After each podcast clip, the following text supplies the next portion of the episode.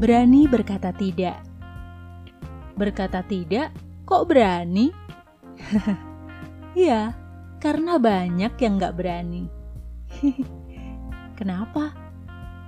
Sungkan, gak enakan, takut disangka sombong, takut dipikir jahat, gak mau mengecewakan orang lah, dan sebagainya.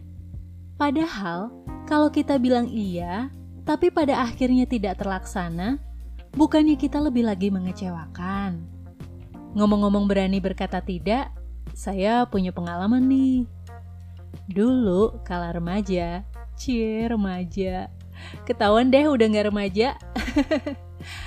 ya, dulu waktu remaja ada teman cowok datang ke rumah. Biasalah. Lalu ada teman cowok lain yang nelpon. Saya tinggal dong yang lagi main di rumah untuk terima telepon. Dan masa itu cowok-cowok kalau nelpon ke rumah suka lama.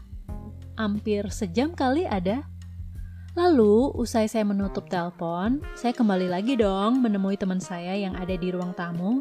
Seraya minta maaf karena lama. Uh, saya bilang, maaf ya lama. Soalnya aku bingung, gak enak bilangnya gimana mau berhentiin ngomongnya. Lalu teman saya yang di ruang tamu itu bilang, kalau kamu gak enak sama dia, seharusnya kamu juga berpikir yang sama sama saya. Seketika itu juga, saya merasa tertampar. Namun peristiwa itu menyadarkan saya, sekaligus memberi pelajaran berarti, dan termasuk menjadi momen yang mengubah hidup saya sampai hari ini, bahwa saya harus bisa mengambil keputusan berkata tidak kalau sedang tidak bisa. Dan sekarang, saya tidak punya masalah berarti jika saya merasa tidak sanggup, saya akan berkata, maaf saya tidak bisa, tanpa merasa bersalah atau merasa tidak enak. Jadi saya nggak punya beban lagi. Ketimbang, iya-iya, tapi enggak.